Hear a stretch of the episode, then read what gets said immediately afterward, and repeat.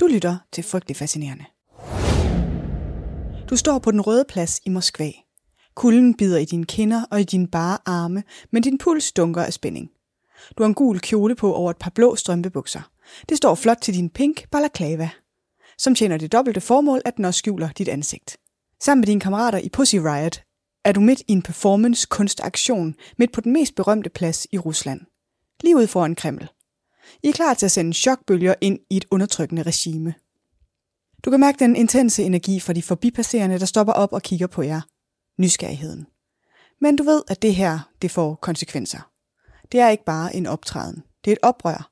En kamp for ytringsfrihed og retfærdighed. Dit hjerte hamrer, mens du slår din elektriske guitar an. Lyden vrænger ud gennem forstærkeren. Mens du synger ordene, der kritiserer magthaverne, føler du dig både frygtløs og sårbar.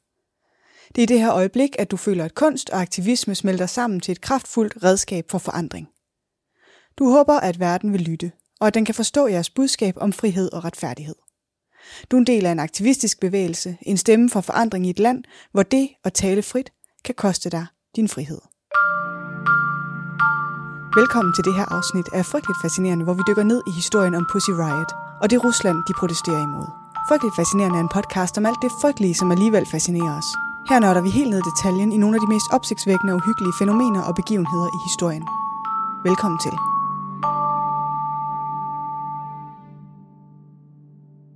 Så jeg har været en tur på Louisiana i weekenden. Og det skal jo ikke som sådan komme dig til last, kan du måske tænke. Det lyder fint, Maria, men hvad har det med mig at gøre? Men som du nok allerede har gættet ud fra titlen, så så jeg en ret særlig udstilling på Louisiana, som gjorde et stort indtryk på mig. Når noget gør et stort indtryk på mig, så er det der, at det bliver dit problem. For nu er det jo så blevet til et podcast-afsnit. Og faktisk talte jeg også lidt om det i mit seneste afsnit af PS Nørdmateriale, at jeg i det nye år gerne vil blive lidt klogere på Rusland. Så på den måde så går det hele op i en højere enhed her. For den udstilling, jeg så på Louisiana med mine veninder, den handlede om Pussy Riot, og jeg tror, den er på de aller sidste dage. Så det er lidt en tavlig anbefaling, den her, nu hvor det næsten er overstået. For du kan nærmest ikke nå det, hvis du ikke allerede har set den. Men den var virkelig fantastisk, synes jeg. Både set ud fra sådan et mere formidlingsperspektiv, den var flot sat op, og den var meget medrivende, men særligt også på grund af indholdet. Så det er virkelig en varm anbefaling, hvis du lige netop kan nå at komme forbi den. Vi så også en udstilling, der hedder Det uerstattelige menneske, som også var rigtig god. Så der er alt rigeligt at opleve, hvis du er på de kanter og har mulighed for at komme forbi. Men hvorom alting er, så skal dagens afsnit handle om Pussy Riot, og om deres projekt og deres historie. Men det handler selvfølgelig også om meget mere end det. For det handler også om punk, om protest, om at leve i et totalitært, patriarkalsk, religiøst regime, om at turde kæmpe for det, man tror på, for sig selv og for andre, om at gribe oprør anderledes an, om at turde tænke kvindelighed og femininitet ind som en styrke og et kardinalpunkt i en protest mod undertrykkelse og et pres for politisk forandring. Anyway, Pussy Riot. Du er sikkert bekendt med navnet. Måske kan du også huske et eller andet om, at de har lavet nogle protester. Bliv kendt verden over. Det kan være, du kan huske de der farvede elefanthuer og spraglede strømpebukser. Men hvis du er lidt ligesom mig, så er detaljerne om, hvad det egentlig er for noget, nok lidt mere uklare. Hvad er projektet? Men der er jeg selvfølgelig klar til tjeneste, for jeg har nemlig sat mig lidt ind i det. Både fra udstillingen, men også gennem lidt research efterfølgende – så vi sammen kan få et overblik over, hvad Pussy Riot egentlig står for. Hæng på. Pussy Riot er et feministisk, punk, anti-establish, oprørs- og performance-kunstgruppe. De er udsprunget fra Moskva i Rusland. De blev stiftet i august 2011 som en reaktion på, at Vladimir Putin lige havde annonceret, at han igen ville stille op som præsident, efter han i en årrække har styret landet gennem sin marionetdukke stedfortræder Medvedev, med den nye forfatning, som han også for relativt nylig har fået gennemført, kan han nu potentielt være landets leder helt frem til 2037. Så Pussy Riot bliver stiftet af 15 kvinder i aldersgruppen 20-33 år. De laver uautoriserede guerilla feministiske happenings og performances på offentlige steder i Rusland. De filmer dem, lægger dem på internettet. De kredser som sagt om temaer inden for feminisme, LGBTQ, modstand mod Putin, modstand mod Putins imperielle politik, modstand mod indskrænkningen af muligheden for abort, modstand mod sammensmeltningen af religion og stat, som Putin-administrationen også var repræsentant for. De kæmper også mod den statsfremstillede idealisering af kernefamilien, de traditionelle parforhold og relationer og familieliv. Sexisme, seksualskam og alt muligt andet i den familie. Og så har de sådan en meget distinkt æstetik – Pangfarver, strømpebukser, balaklavaer. Det er punket, det er uperfekt, det er feminint og det er råt. Det er kampen for et ustandardiseret kvindebillede. Rå aktivisme, der med ord fra en anmelder for kunsten.nu bevarer en uforfærdet feminin puls, en levende humoristisk, fandenivoldsk kropslighed og livlighed. Og jeg kunne ikke have sagt det bedre selv. Med politiske budskaber som regeringen bruger jeres stemmesedler som toiletpapir, og udtryksformer, der spænder fra stort opsatte guerilla punk events til at binde deres sko med revne stykker af lagen i solidaritet med landets mange uretmæssigt fængslede. Fordi snørebånd bliver konfiskeret i fængsler og fangelejre, og fanger der forbinder deres sko med stofrester. De er, som du nok kan fornemme, en ret vild og virkelig unik protestgruppe med frygtelig meget på hjerte. Deres første happening har de kaldt Free the Cobblestone, og den foregår før lokalvalget i 2011. Moskvas gader er brolagt med nye brosten, lagt af borgmester Sobyanin, som har svindlet sig til millioner af rubler af offentlige midler gennem brolægningen af Moskva. Protesten og den dertilhørende sang er et oprør mod offentlig korruption. Og brostenenes symbolik bliver brugt som redskab. Free the Cobblestone leder jo uværligt tankerne hen mod brostenskastende demonstranter. Gruppen kaster ikke med brosten, men de opfører deres sang på forskellige offentlige steder, blandt andet på taget af en sporvogn. Efter den følger protesten Fuck you fucking sexists and fucking Putinists. Protesten Death to Prisons, Freedom to Protest, som de opfører på taget af et fængsel i Moskva. Derefter følger protesten Putin Pete His Pants i kølvandet på offentliggørelsen af, at Putin stiller op til en tredje præsidentperiode. Iført de ikoniske balaklavaer og de farvede strømmebukser, fremfører gruppen deres punksang midt på den røde plads. Efter den protest bliver flere af gruppens medlemmer tilbageholdt af politiet, men de bliver løsladt igen efter at de påstår at være dramastuderende, der øver sig til en forestilling. Ja, og nu hvor du så har sådan lidt en idé om, hvad Pussy Riot er for en gruppe, så er det tid til et lille politisk historisk intermezzo, for at blive lidt klogere på, hvad det egentlig er, Pussy Riot er et oprør imod. For på tidspunktet lige omkring Putins magtovertagelse, omkring årtusindskiftet, der udgørs 46 procent af det russiske BNP af indtjeningen fra virksomheder, der er blevet privatiseret efter Sovjetunionens fald, og som alle sammen ejes af de samme otte russiske familier. Det var 46 procent af al værdi produceret i Rusland, som ejes af otte familier. Det er svimlende. Og der er kun en naturlig konsekvens af en nationaløkonomi, der de facto er styret af otte familier. Ulighed. Massiv ulighed. Så hvad gør den smarte og ambitiøse politiker? Han stiller selvfølgelig skarp på de otte familier. De otte oligarker, der sidder på landets økonomi. De har sådan i det store hele fået deres velstand forærende af Boris Jeltsin-regeringen, under de kaotiske aktioner af statsejendom, der fulgte efter kollapset af Sovjetunionen. Og nu er Putin så klar til at få noget for pengene, om man så må sige. Så han indkalder oligarkerne til møder om at bekæmpe korruption. Og det ender dramatisk. Et slags Clash of the Titans, hvor den ene titan dramatisk har undervurderet den anden titans intentioner. Detaljerne er lidt komplekse, men de store linjer er, at oligarkerne sender en repræsentant, der fremlægger deres synspunkter. Som en del af sin præsentation giver han et eksempel på en korrupt handel med et statsligt selskab. Og det får så Putin til at se rødt, for den handel, den kender han alt til. Han har faktisk selv fået en ret stor del af kagen i den handel. Og ikke sådan politisk, men personligt. Han har personligt tjent 200 millioner dollars på handlen. Så det er klart for Putin, at den bedste måde at få styr på oligarkerne er ved at komme af med dem. Som en del af en offentlig og jo et meget populær indsats mod korruption, så fængsler Putin den repræsentant for oligarkerne, som han selv har inviteret til forhandlinger. Dømmer ham ved retten, staten eksproprierer hans virksomhed, og han sendes i eksil. Verdens på det tidspunkt fjerde rigeste mand er med et slag væltet fra tinderne. Og beslutningen er sindssygt populær. Befolkningen er glade for et opgør med de upopulære oligarker. Putin har aldrig stået stærkere. Og nu tager vi lige et lille hop, men jeg har lavet nogle nedslag, jeg kunne umuligt nå hele Ruslands historie i nullerne. Men det næste nedslag, det kommer her i 2005 i kølvandet på den orange revolution i Ukraine. Så er Rusland forandret. Alt er forandret. Det er et hårdt slag for Putin, og han vender blikket indad. Væk er alle tanker om modernisering, alle tanker om at nærme sig Vesten. Nu er Rusland Putin, og Putin er Rusland. Han vedtager alle mulige love i kølvandet på det her der er ret vilde. Men en af de mest bemærkelsesværdige er den, der gør det lovligt at dræbe enhver, der er klassificeret som forræder. Også uden for Rusland. Og så står han over for et problem. Som en del af den russiske forfatning skal han jo to år senere, i 2007, træde tilbage og afgive magten. Han har siddet det maksimale antal perioder og kan ikke vælges mere. Så mere liberale kræfter begynder at melde sig. Blandt andet så stiller Gary Kasparov op som præsidentkandidat. Og det er i virkeligheden sin helt egen historie. Du kan nok huske ham, det er ham, Skak, stormesteren. Men det du bare skal vide om det er, at han bliver massivt chikaneret i sin kampagne. Og også anholdt og dømt. Han slipper dog endnu meget billigt i forhold til, hvad politisk modstand straffes med i Rusland i nutiden, men det vender vi tilbage til. Da valget endelig kommer, så bliver det Putins partifælle Medvedev, der bliver landets nye præsident. Og landets nye premierminister, det bliver så Vladimir Putin. Det er ren proforma. Medvedev er en form for glorificeret bænkevarmer. Det er stadig Putin, der har magten. Og med magten er der fuldt stigende ulighed, institutionaliseret korruption, magtkoncentrering, reaktionære værdier, sammenblanding af stat og kirke, statslig kontrol med medierne, begrænsning af ytringsfriheden, ekstrem undertrykkelse af politisk opposition og alt muligt andet.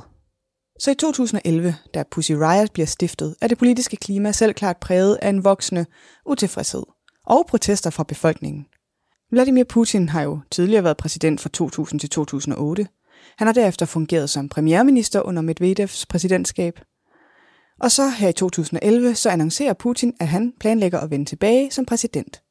Det udløser selvfølgelig bekymringer og protester blandt dem, som ønsker politiske forandringer. Og det er den kontekst, det klima, som Pussy Riot bliver stiftet i. Deres kritik afspejler de spændinger og udfordringer, der er dybt forankret i russisk politik og samfund. Deres aktivisme er en reaktion på og et forsøg på at udfordre de magtstrukturer. Yes. Så nu, hvor du forstår konteksten, så er det tid til at tale lidt om det, som sender Pussy Riot viralt ud i verdens berømmelse.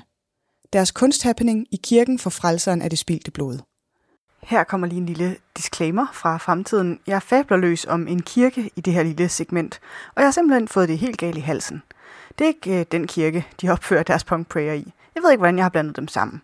Det er i Moskva, de opfører værket i kirken for Kristus Frelseren. Beklager den arkitektoniske og geografiske forvirring. Videre med dagens program. Det er jo i den kirke, hvis du lukker øjnene og tænker på St. Petersborg, og du ser et eller andet for dig, så det formentlig de der øh, løgformede, farverige sådan, øh, katedralkubler. Øhm, det er kirken for frelserne af det spildte blod. Og det er her Pussy Riots suverænt mest kendte protest finder sted den 21. februar 2012. Det er en af Ruslands mest hellige ortodoxe kirker. Fem medlemmer af Pussy Riot går ind i kirken i deres ikoniske farverige kjoler, balaklavaer, og så opfører de deres sang, punkbøn, i protest mod Vladimir Putin og den ortodoxe kirkes støtte til hans regime. Under deres performance knæler de foran alderet og synger Virgin Mary Chase Putin Away. Sangen indeholder knivskarp kritik af Putins regime, og valget af kirken til deres happening er en symbolsk kritik af det tætte forhold mellem Putin-regeringen og den religiøse institution, og den politiske indflydelse, som kirken har. Videooptagelser af deres performance spreder sig som en steppebrand på internettet og tiltrækker både støtte og, surprise, fordømmelse. I den efterfølgende retssag bliver tre medlemmer af Pussy Riot dømt for huliganisme motiveret af religiøst had og får fængselsstraffe på to år. Protesten bliver selvfølgelig et symbol på modstanden mod regimet, og det ekstremt begrænsede rum for ytringsfrihed og politisk aktivisme i Rusland på det her tidspunkt. Det tiltrækker omfattende international opmærksomhed og solidaritet med gruppen. Jeg har taget et par af mine yndlingsreaktioner med. De kommer fra den udstillingsbog, som bliver solgt på Louisiana i forbindelse med udstillingen, og den er en kæmpe fornøjelse. Den anbefaler jeg varmt, hvis du kan få fingre i den. Men altså, en prominent kvindelig advokat reagerer ved at udtale, at feminisme er en dødssynd, og det er en unaturlig udtryksform. En biskop for den ortodoxe kirke kalder handlingen huliganisme og sagde, at den var et udtryk for velvet terrorism, et begreb, som gruppen senere selv har taget på sig. Bogen er også navngivet det samme. Der var alle mulige offentlige reaktioner. Folk, der mente, at deres eventuelle børn skulle tages fra dem, at de burde piskes som straf. Men mere alvorligt så er den straf, som de rent faktisk får af systemet. For som en del af deres fængselsstraf bliver Nadesta Tolonikova og Maria Aljokina sendt i arbejdslejre. Nadesta bliver sendt til en arbejdslejr i Mordovien, som er berygtet for at være et frygteligt hårdt sted, og for sine dårlige forhold. Lejren indgik tidligere som en del af Gulag-systemet. Hun har senere beskrevet de barske arbejdsforhold, undertrykkelse og chikane, som fangerne blev udsat for. Maria bliver først sendt til en fængselslejr i Perm-regionen, men bliver senere overført til en anden fængselslejr i Nizhny Novgorod-regionen. Da de to kvinder har afsonet næsten hele deres straf, så modtager de noget overraskende benådning fra styret og fra Putin. Den officielle årsag til deres benådning bliver angivet som en humanitær gestus fra den russiske præsident. En amnesti i anledning af 20-årsdagen for Ruslands forfatning. Putin hævder, at benådningen er en del af en bredere amnesti, der omfatter tusindvis af fanger. Herunder ikke kun dem, der er politisk relateret, men også dem, som er dømt for mindre alvorlige lovovertrædelser. Men altså, timingen taget i betragtning, så er det nok nærmere en politisk manøvre fra Putins side. For at dæmpe den internationale kritik af Ruslands retssystem og samtidig mindske politiske spændinger før vinter-OL i Sochi i 2014. Ruslands store prestigeprojekt for at forbedre deres internationale omdømme.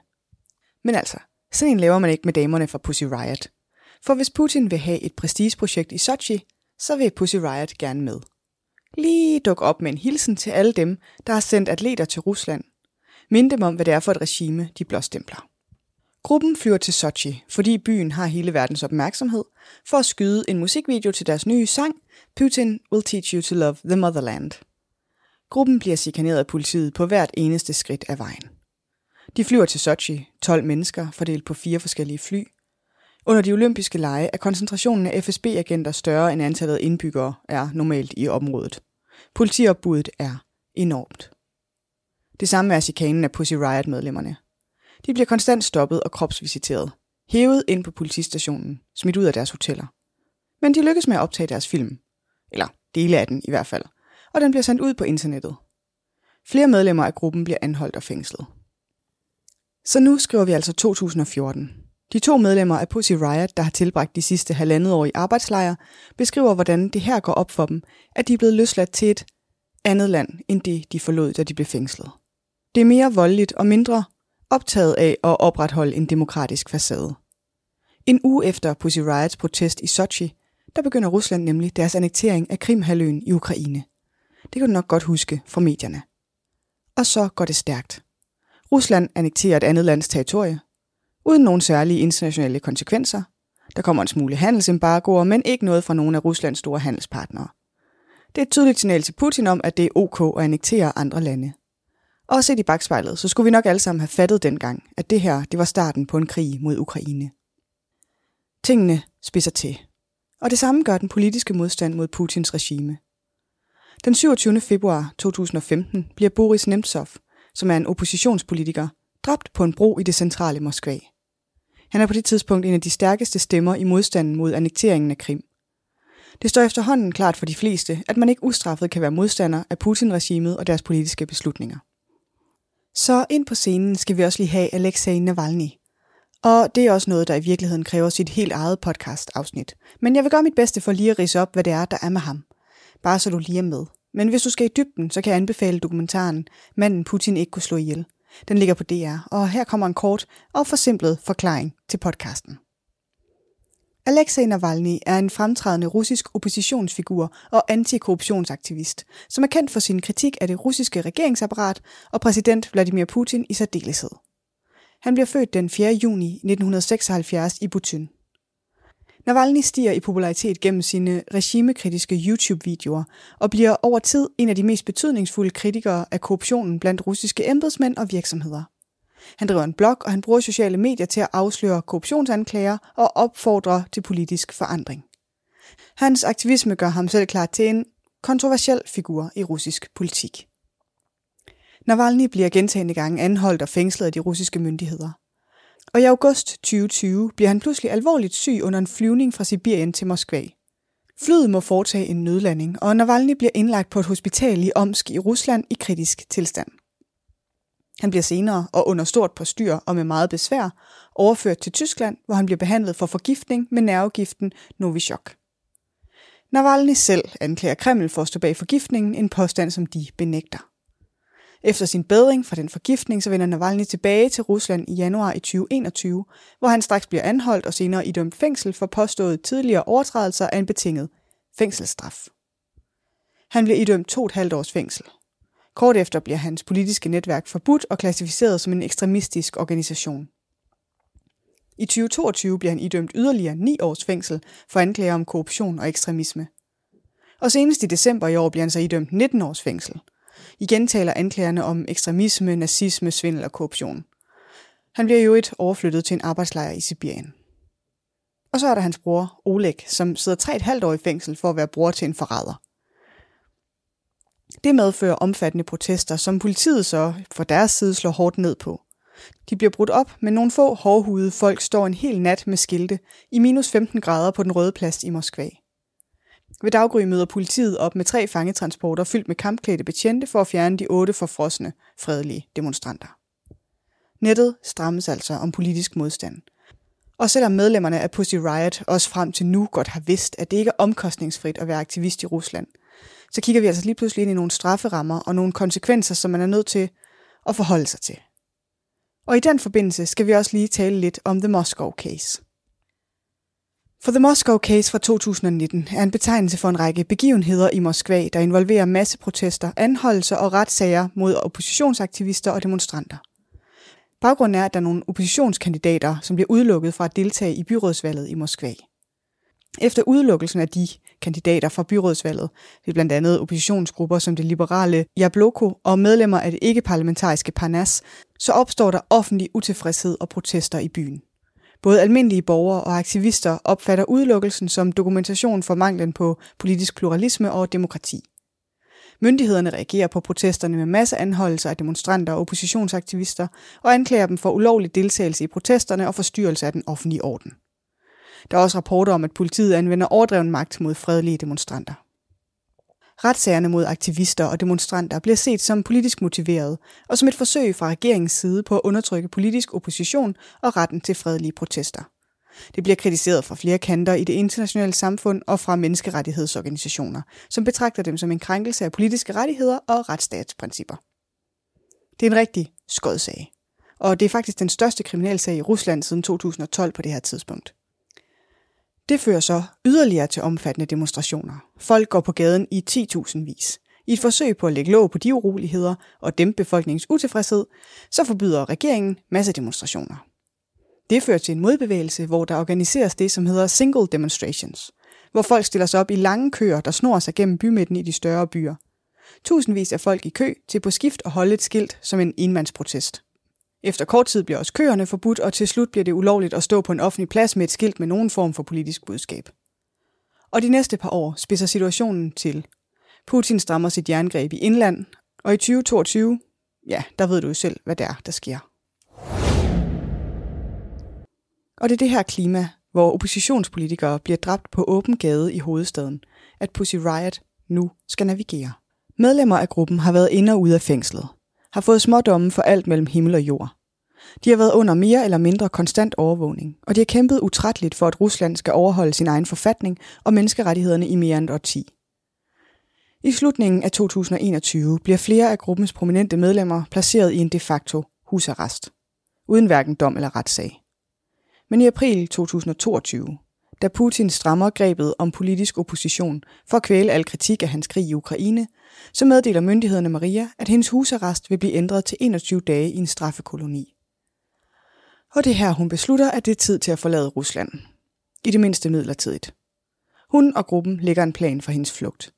De skaffer en madbudsuniform, tænk sig en grøn russisk version af et voldbud, jakke, overtræksbukser, isoleret rygsækkasse. Og med det på forlader hun ugeneret det lejlighedskompleks, som hun bor i, for næsen af Moskvas politi, som har overvåget hende i døgndrift i månedsvis. Hun efterlader sin mobiltelefon, men pakker sin kælerotte, der gemmer sig i rygsækken. En ven kører hende til grænsen ved Hvide Rusland, og det tager hende mere end en uge at komme helt til Litauen. Hun og flere af gruppens øvrige medlemmer har ellers stærke ønsker om at blive i Rusland, på trods af gentagende overvågning, indespæring og pres fra myndighederne. Men nu er hun altså blevet en af de tusindvis af russere, der er flygtet siden invasionen af Ukraine.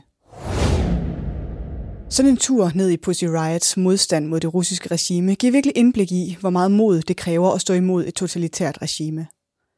Pussy Riots projekt står som et monument over modstandskraft, der går ud over grænserne for det personlige og træder ind i det kollektive. Deres kamp for ytringsfrihed og retfærdighed og solidaritet med dem, der er undertrykt, er en stærk påmindelse om vigtigheden af at sætte ord og handling bag ved vores overbevisninger. I en verden og i et land, der marginaliserer den feminine stemme, så står Pussy Riot som en uforfærdet manifestation af kvindekraft og styrke.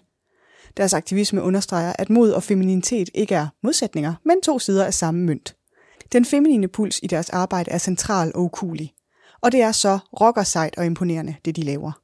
Det kræver æggestokke og nægter at tige stille i mødet med undertrykkelse, forfølgelse, fængsling og yderste tilfælde drab.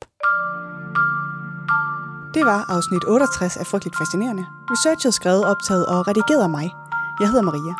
Næste afsnit kommer allerede i næste uge, og du kan høre det i iTunes, Spotify eller der, hvor du normalt lytter til podcast. Du kan følge Frygteligt Fascinerende på Instagram, og du kan give podcasten en anmeldelse i din podcast-app. Det hjælper andre med at blive frygteligt fascineret.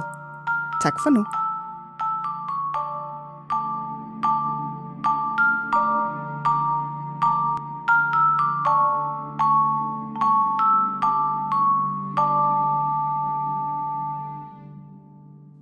I researchen til afsnittet har jeg brugt oplysninger fra udstillingen på Louisiana, bogen Velvet Terrorism, Pussy Riots Russia, kunsten.nu, GAFA.dk, dokumentaren Putin, Ruslands sidste zar, dokumentaren Manden Putin ikke kunne slå ihjel, Human Rights Watch, bogen Words Will Break Cement, The Passion of Pussy Riot, bogen Det fængslede menneske, nedslag i fængslets kulturhistorie.